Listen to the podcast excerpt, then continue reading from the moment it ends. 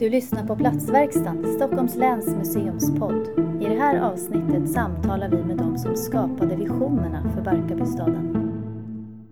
Hej och välkomna till dagens poddavsnitt. Ehm, fokus för idag är visionerna kring det nya stadsutvecklingsområdet Barkarbystaden i Järfälla kommun. Som alltså är placerat intill Barkarby handelsplats och det gamla flygfältet. Och om jag förstått det rätt så kommer området då när det är färdigställt kring år 2030 hysa runt 30 000 människor och mängder av arbetsplatser. All tänkbar samhällsservice, restauranger, butiker och kulturinstitutioner. Och det kommer också att trafikeras av såväl tunnelbana, pendeltåg, regionaltåg som av självkörande bussar. Det allra senaste. Eh, och jag som leder detta samtal idag, jag heter Maja Wilén eh, och jag är doktor i konstvetenskap vid Stockholms universitet. Och jag har främst ägnat min forskarbana åt att undersöka samtida bostads och stadsbyggande eh, utifrån en rad olika sociala perspektiv. Och med mig idag för den här, det här samtalet kring Barkarbystaden har jag fyra personer som på olika sätt har varit involverade i den här stadsbyggnadsprocessen. Det är Claes Thunblad som är kommunstyrelsens ordförande i Järfälla kommun och Anders Berg, stadsarkitekt eh, i Järfälla kommun och Tony eh, Smilewski, projektchef för själva Barkarbystaden. Och Cecilia Lindahl som är regionplanerare på Stockholms läns landsting. Välkomna hit. Tack.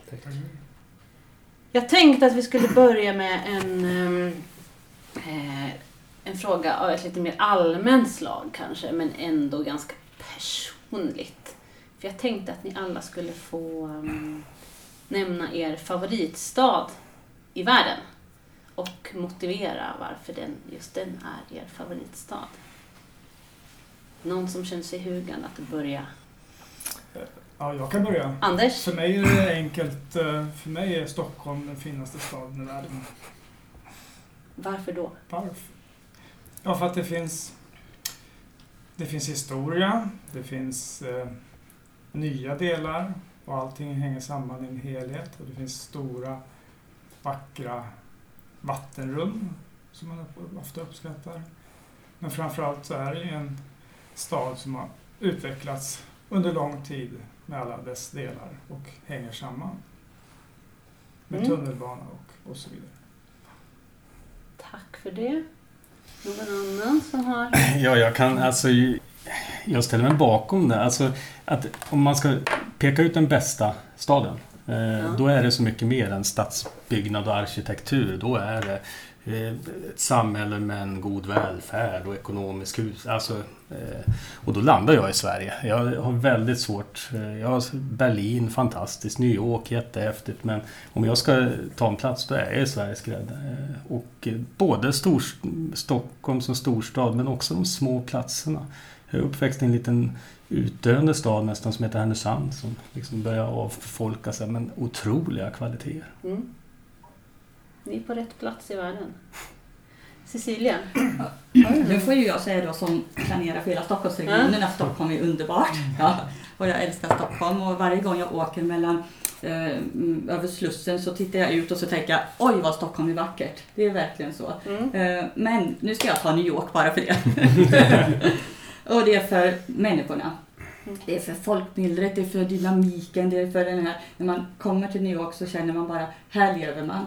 Mm. Ja, det, det känner jag. Så jag älskar New York. De har gjort en häftig grej Ja. nu också som Mm. vi borde ta efter mer. Mm. Det är att de planerar platser för människor. Ja, Istället för stensorter och arkitektur och Ja, snygga möbler. precis, utan Hur precis. får man hit människor? För det är ju det stadslivet, det är det vi vill ha Mm. överallt. Mm. Eh, Mm. Att vi vill ju ha de här urbana kvaliteterna där det behövs, men vi vill också ha de här lantliga eller grönmiljöerna där det behövs. Men just att man planerar för människor. Mm. Ja. Tack. Tony, har du någon? Ja, så dels, Favoritstad. ja, dels jag stämmer i kören att jag slås alltid så här års hur fantastisk stad Stockholm är verkligen. Det är eh, definitivt tycker jag bland de absolut bästa huvudstäderna vi har i världen. Absolut. Men sen, för att ändå liksom bryta lite spår så tänker jag så att när jag tåg på 90-talet så var det ju väldigt förälskad av Barcelona på 90-talet. Just för att det, var, det fanns ett myller, det fanns ett folkliv, det fanns liksom... Det var en stad som var på uppgång. Sen känner jag lite grann, jag vet inte om det är för att jag blivit äldre eller så, men nu på senare år känner jag lite grann att den där stjärnan, stjärnan, charmen har gått lite förlorad. Men. Så Stockholm nu och Barcelona på 90-talet. Mm. ja. ja men tack för de reflektionerna. Det känns väl ändå som att ni, ni verkar på rätt plats. Jag tänker att en, en kärlek till det man jobbar med är väl en bra förutsättning ändå. Vidare då till själva eh, föremålet för dagens diskussion, det vill säga Barkarbystaden. Eh, jag tänkte att jag skulle börja med att läsa upp några rader ur visionen för Barkarbystaden, eh, så som den presenteras på den offentliga hemsidan som är barkarbystaden.se, som har kommunen som, som huvudavsändare om jag förstår det rätt. Eh, och där står det då att vår vision är att Barkarbystaden ska bli en plats med stort hjärta en plats där människor mår bra, bryr sig om varandra och har möjlighet att utvecklas och trivas hela livet. Här finns det goda grannskapet. Det ska vara en plats för utveckling, talang och lärande och en destination med variation. Helt enkelt en härlig plats för boende, företag och besökare. En plats du alltid vill komma tillbaka till, en plats det sprakar om. Jag tänkte att vi skulle prata lite om vad de där orden egentligen innebär. Mm. Så jag tänker att jag låter dig börja, Claes. Alltså vad är Barkarbystaden för ett slags område egentligen? Ja, men det vi fokuserar på som den här beskrivningen som du läste upp ramar in, det är att det, det, är en plats för människor att utvecklas. Plats för människors framgång. Plats för ett enkelt liv, livskvalitet mellan husen. Alltså att, att man tänker dem. Och det här i arkitekturen så prövar man ju sig fram. Vi var inne på New York till exempel. Där man funderar på hur får man hit människor, hur får man folk att vilja stanna istället för vilket stenmaterial ska vi ha och vilken möblering ska vi ha. Eh, I Sverige experimenterar vi ibland med att låta de inflyttande eh, gångstiga och sen lägger man gång och cykelvägarna efter det. Målet är ju att komma ännu lite längre. Att, att faktiskt uppfylla kravet om en plats med, med, med få ihop livspusslet och livskvalitet. Lätt att röra sig, lätt att handla, eh, lätt till rekreation. Alltså få in alla de kvaliteterna i staden. Det är lite det det försöker rama in. Mm. Sen finns det också andra, det står locka talanger och sådär. Det finns ju en del som pekar på urbana miljöer, vilket ändå Barkarbystaden siktar på att bli eh, har en, en, eh, styrka i att locka till möten och, och locka till sig talanger och eh, kreativa människor. Eh, så det är något vi naturligtvis har som målsättning. Och vad tänker du är det som, som gör det här området unikt då? Som gör att det sticker ut? Det är massor med saker. Eh, eh, läget är naturligtvis och, och liksom de möjligheter till att röra sig med tunnelbana och regionaltåg och bussar och allt detta. Eh, närheten till Stockholms stad. Men också kringliggande ett naturreservat med de kvaliteterna. Eh, så, så, att, eh, men sen är det ju då det som kommunen formar, att man ser till att skapa en plats för högre utbildning till exempel. Att man ser till att prioritera kultur och idrott. Eh, eh, Förutom då äldreboenden och förskolor och skolor så att man får in dem. Och att man tänker ett steg längre. Eh, alla våra samhällsfastigheter, skolor och äldreboenden och så är ju öppna för allmänheten, alltså en del av Barkarbystaden. Man går på det offentliga biblioteket i skolan. Man kan hyra eh, mat, eller vad heter det, köket i skolan. Eh, man har restaurang med rättigheter hos äldreboendet och så vidare. Så det är en viktig del i det här. Mm. Och jag tänker jag vet inte om, om Anders vill svara på det här eller kanske Tony. För jag tänker just hur tänker man då när man ska planera rent fysiskt ett sånt här mm. område? Här hör vi visionerna om vad det ska vara men det ska liksom också så omvandlas då från, mm. från vision till, till materialitet. Det riktigt unika, om jag, om jag kan mm. ta det. Alltså det riktigt unika tycker jag är att Barkarbystaden, det är att det är så stort pratar ju om möten mellan människor. En stad handlar ju om att människor möts. Och det som, många unika värden finns ju på de andra ställena också runt om i Stockholm. Men det som är riktigt unikt här, det är att det är så stort. Det här är ju Hammarby sjöstad, Djurgårdsstaden och Hagastaden sammantaget. Och det är ofta det som har brottats med i nya stadsutvecklingsområdet, att, att få de boende att vara tillräckligt många så man Mm. får till ett stadsliv. Dessutom så måste man ju också locka till sig andra och det är nästa grej som är unikt med Barkarbystaden som jag ser det och det är handelsplatsen som är då Sveriges tredje största handelsplats. Och man kan ha mycket åsikter om, om sådana eh, anläggningar men det drar människor och ska vi vara stadsliv då måste ju faktiskt människor vara närvarande. Så min vision och förhoppning är, är ju att man ska kunna binda samman bostadsområdet med handelsplatsen. Då tror jag vi har jättestora chanser och möjligheter att göra en riktigt stor Mm. stad med livspuls och rörelse. Nu missade jag kanske själva frågan men jag tog det. Men vi kan, vi kan, vi kan, ja men jag, jag är med på poängen. Vi, vi kan låta Tony komma in så kan vi komma tillbaka Mm. till det lite senare. Ja, jag stämmer överens med allt det du sa. Och eh, det som gör också att det är jobb, jag tycker att vi bygger stad utifrån de gamla principer man en gång hade med bygga stad i Sverige. Vi, vi lägger egentligen ett klassiskt rutnätspussel kan man säga egentligen. eh, Med tydliga stråk och hela den biten. Så just skapar tydliga förutsättningar för just det här stadslivet, det här livet på gatan att faktiskt få det att fungera. Eh, Vi jobbar väldigt mycket med också att variation mellan kvarteren. Så att eh, så i sin tur skapar en variation, mångfald i dels upplåtelseformer, innehåll, funktion eller bostäder, kontor. Att försöka få det att bli blandat i stadslivet så att säga. Eh, och det känner jag att det är det som, som jag tycker utmärker Barkarbystaden eh, från många andra stadsbyggnadsprojekt. Att vi här faktiskt bygger stad på riktigt, vilket inte är så vanligt alls egentligen i Sverige skulle jag säga i dagsläget.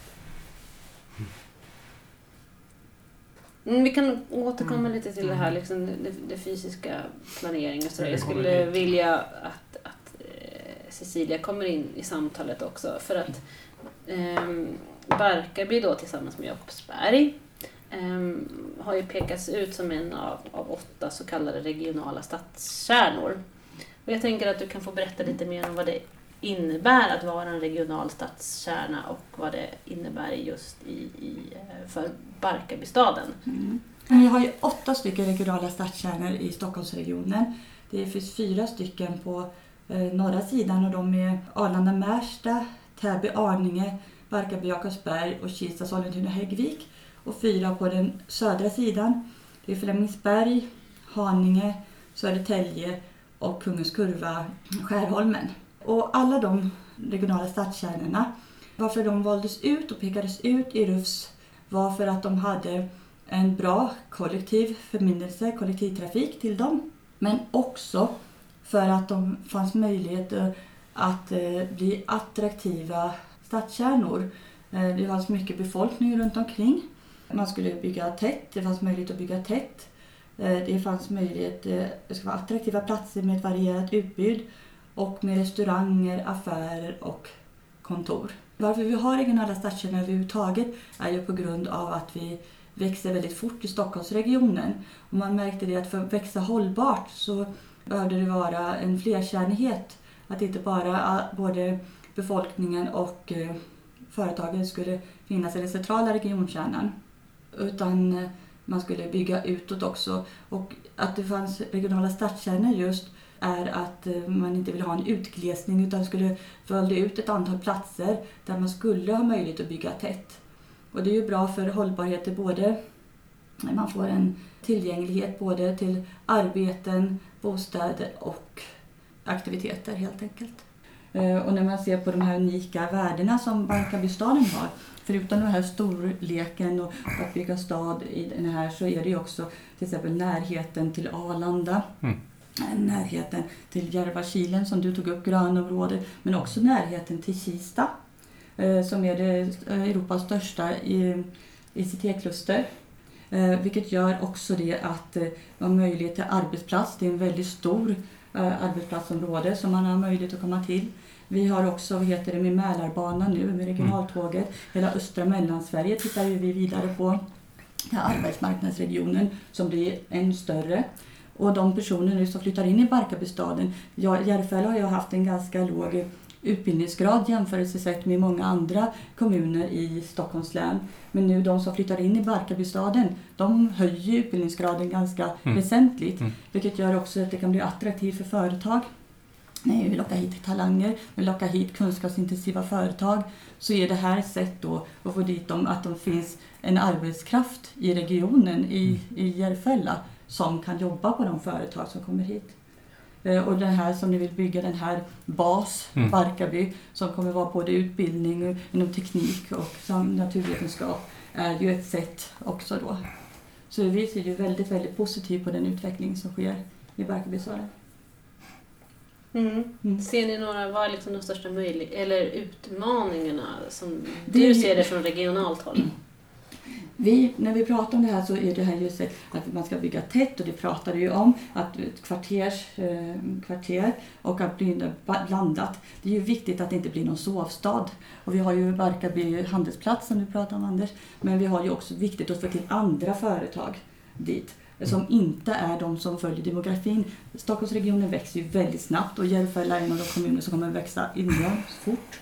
Men då heter det så det är viktigt att det inte bara blir sådana företag som följer befolkningsutvecklingen utan även andra sorters företag som är mer kunskapsintensiva, mera företag som ligger i framkant. Vi, Stockholmsregionen är ju en av de faktiskt eh, regioner i Europa som har väldigt mycket teknikföretag som kommer nya företag hela tiden. Och vi vill ju att de regionala stadskärnorna ska vara, förutom innerstaden då, en del som de här företagen ska finna attraktiva att etablera sig i. Eller då att när de inte kan få plats i innerstan, att de ska flytta ut till eh, Barkarby, Jakobsberg. Eller någon annan av de regionala stadskärnorna. Men vi ser att Barkarby och Jakobsberg är en väldigt bra alternativ. Någon som vill? Nej, men, eh, du sätter ju fingret på en av de saker som vi lyfter in i det här som kvaliteter. Och det är ju sedan ett par år tillbaka så börjar vi sätta huvudkontor inom andra. Kommunen har varit och är fortfarande enormt stark på handel och logistik. Eh, logistiklinjen flyttas ju ut nu till nästa eh, Upplandsbro, eh, Enköping och så vidare. Eh, Så det är ju en av de saker vi försöker sätta med högre utbildning och, och eh, kunskapsintensiva företag. Men sen är det ju också den regionala delen i det här är ju att vi öppnar ju upp Typ, eh, Stockholm norrut. Alltså det här blir ju porten in till Stockholm. Eh, och det nyli, ganska nyligen beskedet att, att vi ska sätta, ja, investera, att staten investerar för regionaltågstopp här. Det är otroligt viktigt för detta. Både för att eh, skapa akademier och högre utbildning men också arbetsplatser och destinationer inte minst. Eh, Att man, att man väljer att antingen ta sig hit och nyttja det som finns här eller ta sig hit för att komma till Stockholmsregionen och vidare till Kista eller Flemingsberg via förbifarten eller in till stan. Mm, så att förutsättningarna låter ju enligt er som att de är ganska goda för att liksom lyckas med det här projektet om man nu vill skapa en, en stad eller område eller hur man nu vill beskriva det där, där, där liksom folk eh, möts på, på olika nivåer och där man också skapar någon slags eh, när man kop- kopplar samman regionen, staden, landet eh, på, på olika sätt. Ehm, Men, men jag tänker vi kan återgå till den här frågan som vi inte riktigt besvarade förut. Mm. Alltså, hur, när man sätter sig ner vid sitt, vid sitt ritbord, gör man för att eh, liksom förvandla visioner till faktisk fysisk stad? Alltså vilka faktorer är de viktigaste? Och liksom, jag tänker liksom så här, ja, men hur, hur tänker man kvartersmässigt, stadsmässigt? Alltså en, en, en stad är en väldigt komplex konstruktion. Hur gör man på, på, på, Det, på ritbordsnivå? det, det, är- det är klart det är en komplex fråga, men vi har ju pratat om att en stad är mötesplatser för människor. Och för att vi människor ska kunna mötas, olika människor också, är ju, nyckeln är ju att skapa offentliga platser. Och framförallt tydliga offentliga platser. Mycket är ju självklart kanske, men ändå inte. Eh, om man tänker sig den klassiska stenstaden med, med slutna kvarter så är det ett sätt att vara väldigt tydlig med att gatan är offentlig och byggnaden är privat. Och det är det som är viktigt. Och det är, det som vi, det är ju så de flesta jobbar idag. Om man backar 50 år så gjorde vi mycket så kallade hus i park. Då vet man inte riktigt var gränsen går. Och då får man inte en stad på samma sätt, även fast det är en möjlighet det också. Men den blir inte lika tydlig. Som exempel. Och sen gäller ju det både torg och parker och så vidare. Det är ett sätt att tänka. Men sen nästa steg som jag tycker är otroligt viktigt, det är ju att göra en gatustruktur så man på ett naturligt sätt leds till de här platserna. För det, det bygger ju lite på det. Om man tänker sig en, en stad som fungerar så är det inte så svårt att hitta. Det, blir, eh, det löser sig självt. Man hittar till järnvägsstationen på något sätt. Och, och då handlar det om gatustrukturer, bland annat. I första hand i alla fall. Det gäller ju också att göra gatustrukturer som tål förändringar över tid. För gator ändras nästan aldrig eh, i städer. Till och med när hela städer är nedbombade så byggs det upp i stort sett på samma sätt. Och det handlar ju om att någon äger den här marken. Och det handlar ju om att det är sällan alla längs en gata kommer på idén att sälja samtidigt. Det finns ju ett undantag som alla känner till. Klara City i Stockholm. Men det är nog en, en av de få tillfällen som gatustrukturer har ändrats. Så därför är det så otroligt viktigt att de är rätt från början. Jag brukar säga att de kommer ligga i flera hundra år. Och eh, jag tror jag har rätt. Men sen, alltså det finns också en eh, grundförutsättning. Eh, vi hörde här om regionala utvecklingsplanen för Stor Stockholmsregionen och, och eh, de regionala kärnorna och det är en fläck på en karta. Eh, alltså här är vi ju en kommun som har bestämt sig för att investera i de förutsättningar vi har. Som har gått från att bygga ett par hundra bostäder per år till att bygga 1200 bostäder per år. Eh, och den och vi ligger ju så att säga, vi får nästan bromsa planeringen och byggandet av förskolor och skolor för vi ligger liksom i för, förtid. Eh, det har ju nämnts några andra stadsbyggnadsexempel där man faktiskt egentligen har missat den delen och får göra det i efterhand. Va? Så att vi är en kommun som har bestämt sig för att göra det här, som anställer och sätter en organisation för att genomföra det och, och faktiskt leverera så att den där fläcken i rufskartan också blir liksom eh, en, en, eh, en, en riktig regional kärna med stadsutveckling och så vidare.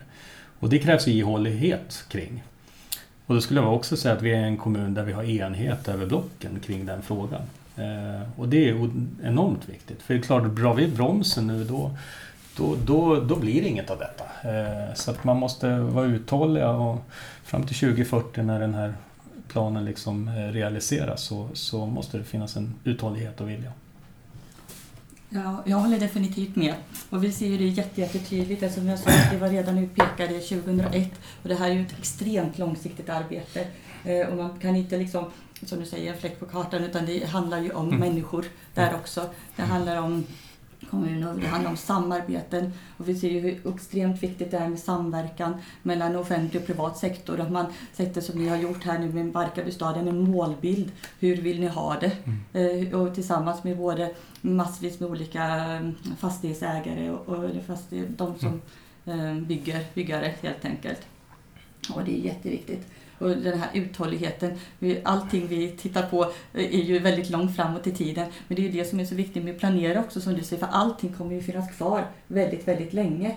Och om vi inte gör några planer nu. Och mycket av den här regionala utvecklingsplanen handlar ju också om ehm, processer. Det handlar om diskussioner. Eh, att vi tar upp olika ämnen. Att vi får diskutera dem i regionen. Hur vill vi att vår region ska se ut i framtiden? Hur vill vi att människor ska få bo? Hur vill vi att människor ska få leva? Mm. Ja, så det är ju en väldigt viktig fråga. Mm. Och ytterligare en unik mm. sak med den här, det är att andra aktörer mm. faktiskt investerar mm. för framtiden. Precis. Vi har nyligen, vi kommer till det med SL som, mm. som vi samarbetar med och sätta in fler bussar i linjetrafik innan staden är inflyttad. Det har inte skett någonsin. Utan man väntar tills det är klart och så bedömer man ett underlag och sen investerar man för busstrafik. Eh, staten som eh, investerar i regionaltåg, plattformar och så vidare. Så att eh, där har vi nog eh, lång väg kvar men varit ganska framgångsrika i att få andra externa aktörer också eller samverkansaktörer att faktiskt investera i den här platsen.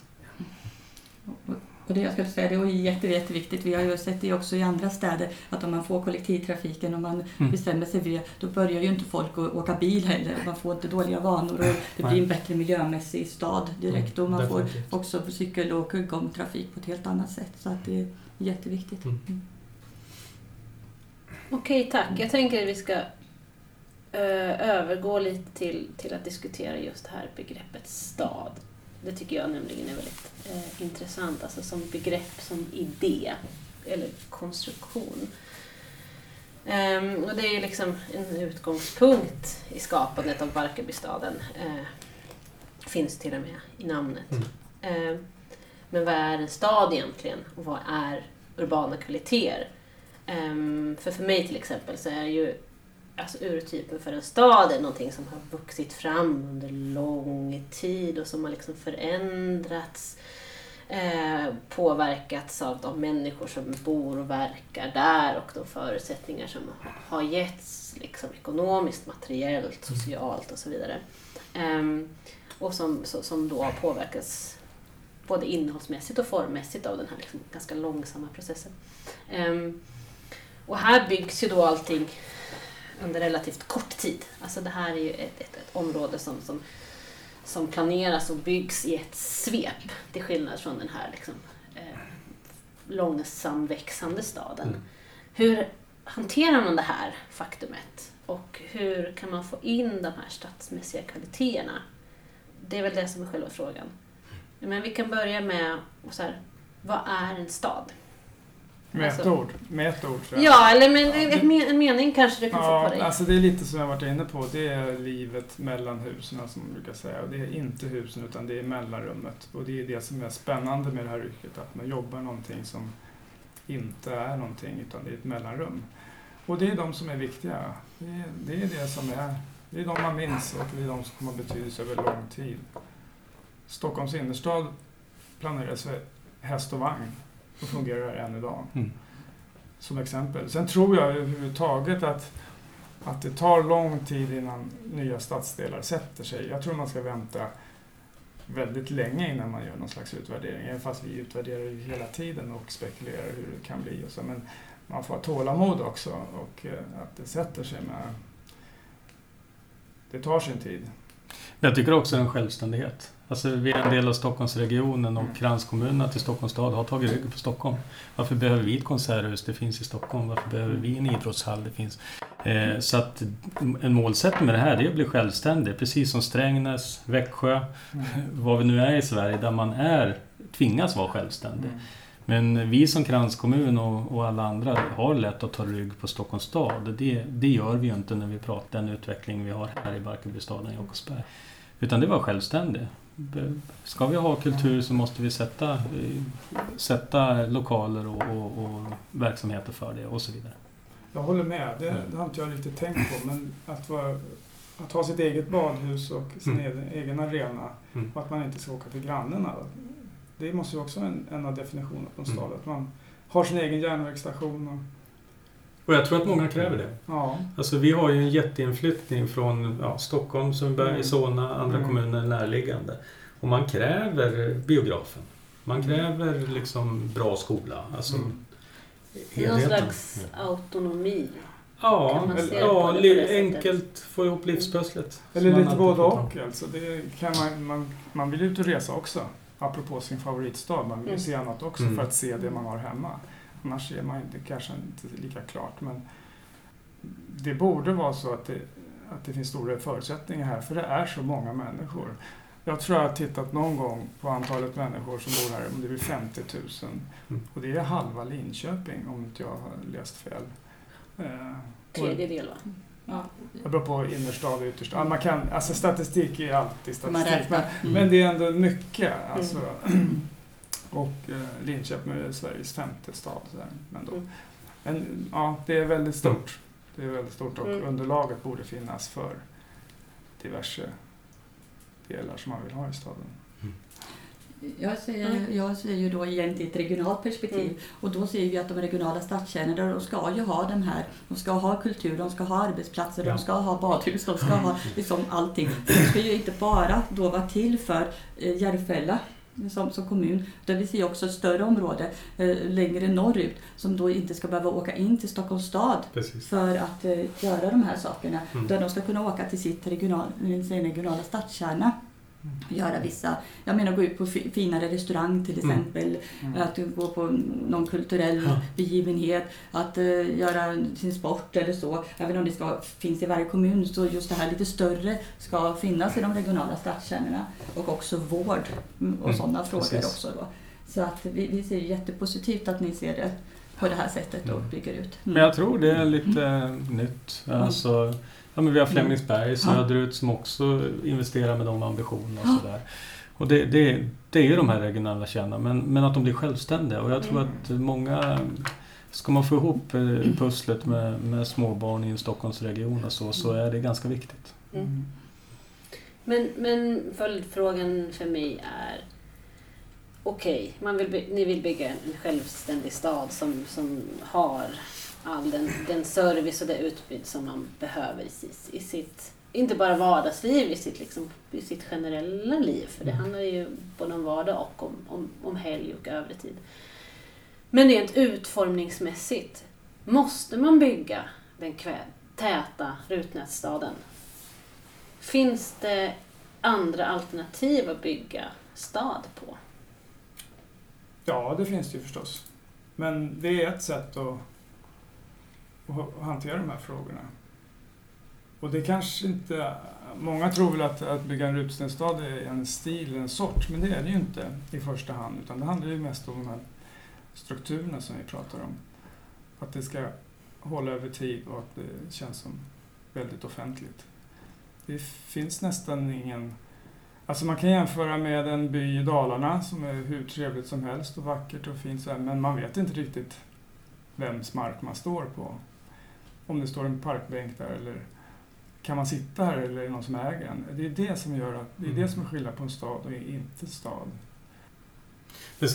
Det du är inne på, eh, alltså en stad formas av människor och generationer och så vidare. Nej, det gör vi inte när vi bygger en ny stad. Eh, och då måste man ju styra processerna. Vi har diskuterat jättemycket om det klassiska med verksamheter i bottenvåning. Styr man inte det och hittar man inte modeller för att styra vilka verksamheter, då har vi bara pizzerior, mäklare och sushi-restauranger. Eh, och, och det så att säga, då blir det enfaldigt. Eh, vill man ha en bar, hur gör man då? Här är ett torg, här vill vi ha en matbutik. Så att man måste nog styra mer den utvecklingen när vi ändå liksom i perspektiv gör en väldigt stor utveckling under väldigt begränsad tid. Eh, och det har en del utmaningar. Definitivt, och vi har tittat ganska mycket på det för det är jätteviktigt att kommunen inte släpper för tidigt Ja. om man tittar på det offentliga. För att man har sett väldigt tydligt i de områdena där man släppt tidigt och det är bostadsrättsföreningar Mm. som ska kolla, hjälpa till med bottenvåningarna eller göra ut bottenvåningarna så blir det som du säger, det blir samma och sen byts det och så blir det samma igen och sen byts det. Det blir ingen variation och det blir ingen av de här bättre restauranger, det blir ingen av de här mervärdessakerna eh, som finns som Mm. man kan ha utan det blir bara samma överallt. Så det är jätteviktigt. Och där, ja, förlåt. Jag ska bara säga det här med att bygga täthet. Mm. Eh, om man tittar på om man vill ha företag, andra företag, de här kunskapsinstituten för företagen, de tycker att täthet är enormt viktigt. Eh, Man har tittat mer än andra företag och just kollektivtrafik men också att det ska finnas de urbana kvaliteterna. Att det finns mycket restauranger, det finns eh, kulturaktiviteter, det finns gym, det finns andra saker runt omkring. Och om man vill ha den sortens näringsliv då, då gäller det att bygga tätt. För det, annars så är det svårt att få till den sortens näringsliv. Mm. Och just Mm. apropå stenstaden så är det faktiskt ett av de tätaste sätten att bygga. Mm. Det brukar inte...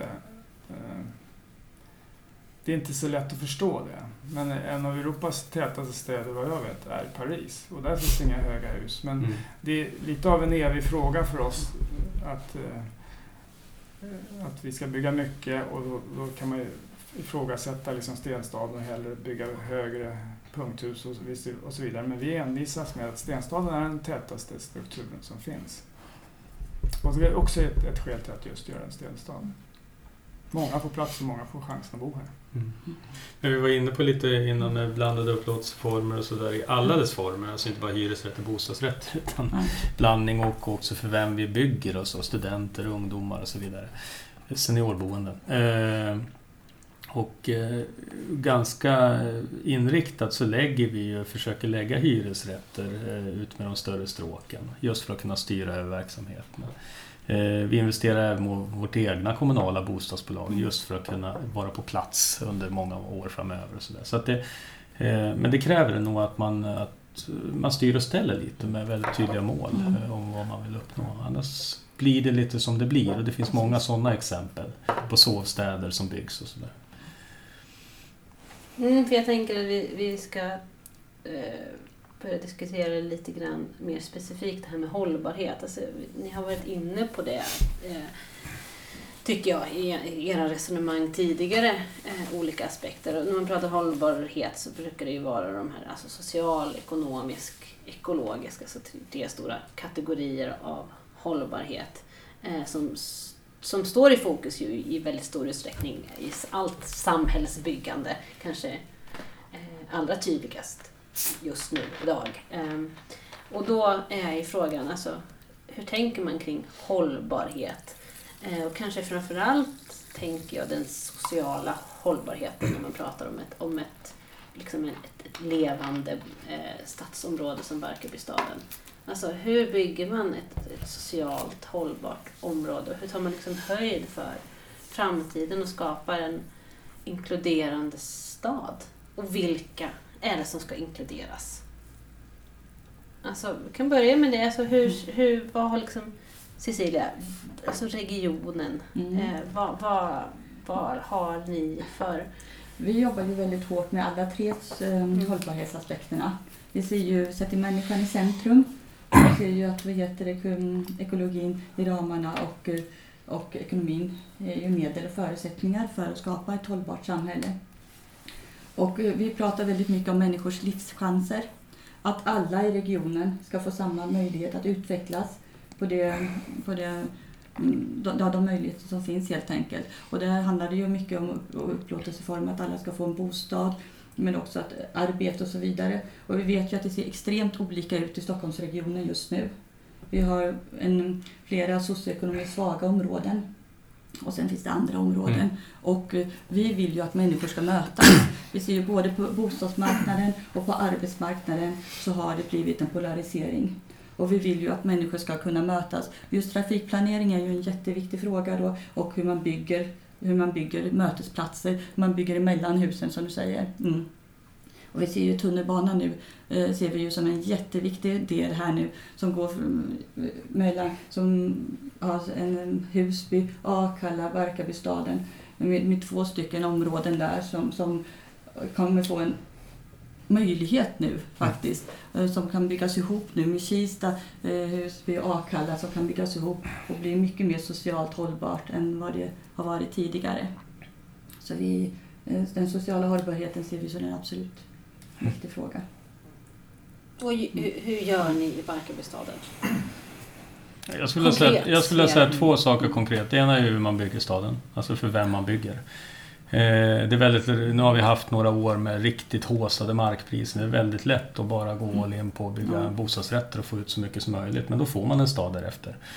Eh, vi måste ha andra upplåtelseformer. Vi måste också eh, till exempel planera för ungdomar. Studenter och ungdomar har en fördel, i alla fall studenterna. Det är att de, de är i sitt boende även dagtid. Så de kan ju bidra till dagbefolkningsunderlaget också. Eh, arbetsplatser var det inne på. Men det andra, det är ju destinationer och, och möjligheter att resa. Cecilia var inne på kollektivtrafiken, jätteviktig. Eh, men också destinationer. Vi bygger åtta kvarter idrott bland annat. Det kommer locka alla möjliga grupper. Eh, och, eh, så att vara medveten om, om den blandning vi vill ha. Och då kan man säga att den här är en ganska bra kommun att börja med i den tanken. Vi har 180 nationaliteter ungefär idag. Så det är en väldigt mångfalds, eh, en mångfaldskommun och, och det är en av målsättningarna att även Barkarbystaden ska vara. Mångfald i alla dess, eh, alla dess eh, beskrivningar. Det är ju erkänt i princip eh, nästan ett omöjligt uppdrag att bygga nyproduktion så att alla har råd att bo där. Eller hur? Hur Ja. liksom upp, eller når man eh, liksom ett sådant mål? Dels så är det inte det. Alltså när man sitter på den tillgången som vi har, vi äger marken, behöver inte punga ut varje krona på varje markplätt. Då kan man med eh, väldigt tydlig politisk inriktning bygga för eh, prisvärt för ungdomar. Det går att göra även på ny mark. Eh, det finns många aktörer som erbjuder det. Och det andra det är ju det att att man använder, vilket vi gör i hela kommunen, att vi, eh, kommunen också tillser sina behov. Vi ordnar ju boende åt människor och de ska vara utspridda över hela staden och hela kommunen överallt. Eh, men jag tror framförallt handelsplatsen idag lockar alla möjliga kategorier och en, skapar en mångfald i staden också. Precis, så, så den här så, liksom, blandningen av folk sker lika mycket alltså dagtid som, mm. som liksom, nattetid så att säga. Ja. Alltså blandningen, det handlar inte bara om vilka som bor i området utan Nej. ni tänker liksom på, på, på alla människor som vistas i området. Vilka går i skolan? Ja. Mm. Ja. Men då tänker jag återigen, alltså mer det fysiska helt enkelt, mm. är jag ju intresserad av. Och kanske du vill säga någonting, eller vill du säga någonting? Nej men, my, nej, men mycket är egentligen grunden för staden, alltså själva strukturen ser jag som egentligen själva basen för att kunna bygga en hållbar stad. Mm. Det vill säga att vi skapar en offentlig mötesplats, vi skapar tydliga stråk, vi skapar trygga stråk. Och eh, i och med att kommunen är, äger all mark i Barkarbystaden och egentligen då säljer markvis kvartersvis så har vi också väl möjlighet att skapa variation allt eftersom tiden går. Det vill säga att eh, bostadsrättsföreningen är granne med hyresrättsföreningen som är granne med studentbostaden. Eller vad vi, vad vi nu väljer. Sen också att skapa en robust struktur som är hållbar över tid. Vi jobbar med väldigt stora detaljplaner. Eh, nu senast 4 500 bostäder i en detaljplan med liksom, där vi egentligen låst kvartersstrukturen men ändå håller väldigt generellt. För vi vet ju faktiskt inte hur lever man om 15 år? Vad vill man hur vill man bo då? Så säga? Och då har vi ändå skapat oss en möjlighet att eh, den dagen vi så säga, man vill göra en förändring så länge man håller sig inom strukturen, håller sig till den kvartersformen så är det okej. Okay. Och det tror jag också är en, apropå det här med levande stad som är hållbar över tid. Att vi inte sitter här och nu och bestämmer hur folk kommer leva om 20, 30, 40 år utan någonstans skapa förutsättningar för folk att skapa sin framtid. Anders? Ja, det som hamnar på mitt bord är ju ofta gatornas placering och det vi kallar för gatustruktur. Och då handlar det om att koppla samman nya områden med befintliga områden. Vilket är, låter ju väldigt enkelt, men det är ingenting man har klarat de senaste 50, 60, 70 åren skulle jag vilja säga. Om man studerar det som ligger utanför Stockholm så är det fullt av enklaver, det vi kallar enklaver. Alltså det, det är, så fort man har börjat stöta på något som är befintligt så har man backat och lagt en remsa emellan. Och det är den utmaningen, det är en enorm utmaning, mm. den utmaningen tar vi idag. Det finns delar kvar i det men det finns naturliga konflikter mellan etablerade villaområden och nya bostadsområden. Och där blir vi och dem och så här. Men nu går vi fram så långt vi klarar av det, för det är inte helt lätt att, att binda samman det här. Så man, man kan, om man får säga, råka hamna i fel stadsdel liksom, och då börjar man lära känna andra människor, man skapar tillit och det är också en del av stadslivet att möta andra. Så jag tror man ska vara tydlig med att de omkring ett par tusen bostäder som är inflyttade idag eh, har vi inte lyckats med detta än. Vi har inte lyckats bygga för ungdomar. Vi har inga ettor för 4 500 i månaden. Eh, vilket är fullt möjligt att bygga. Så det här är ju en utmaning som, som ligger framöver. Att också ha prisvärda boenden. Eh, och, Eh, men jag vill inte peka på att vi just på den här platsen har lyckats med det hittills. Utan det är nog en utmaning som ligger framöver. Framförallt kopplat till de studiemiljöer och så vi ser framöver. Eh, så är det en, en väg att gå.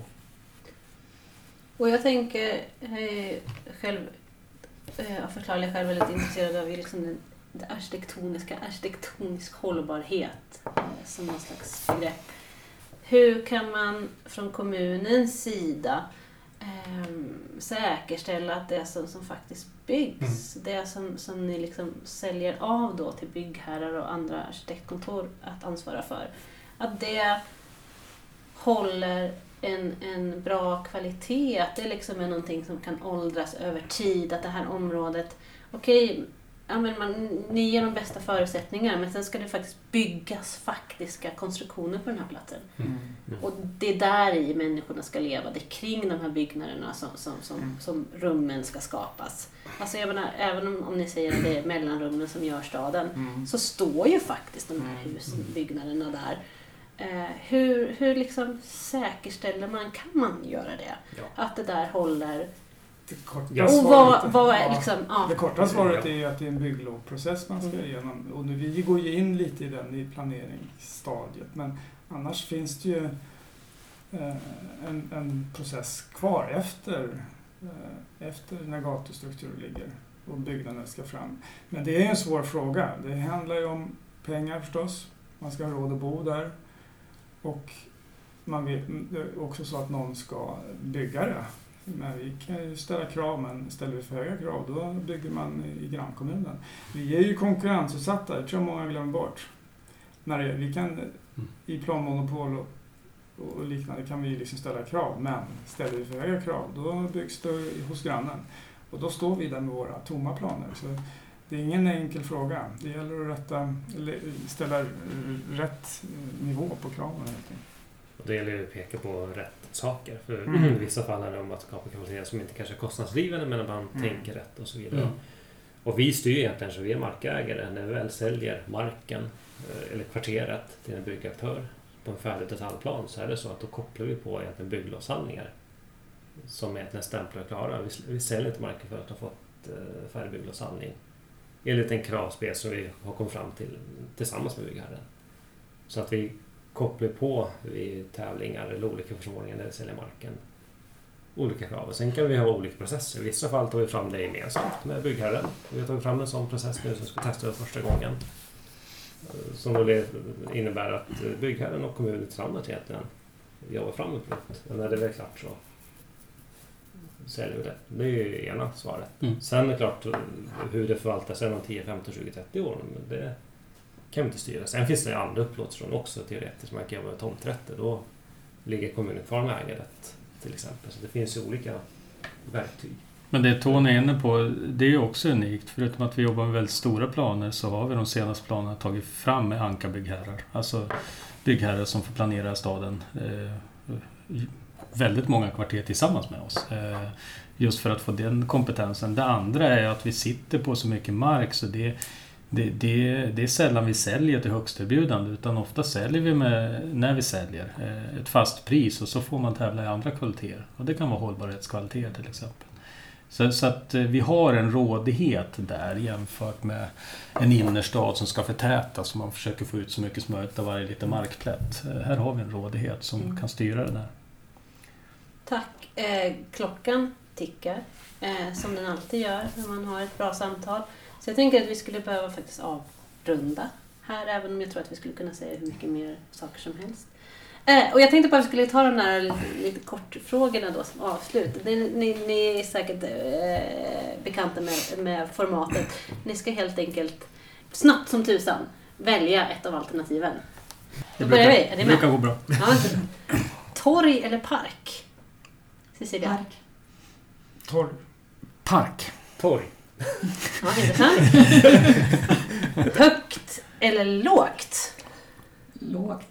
Lågt. Högt. Högt. Två högt, två lågt. Mm. Sekelskiftesbostad eller mi- millennieskiftesbostad? Ja, sekelskifte. Millennieskifte. Millennium.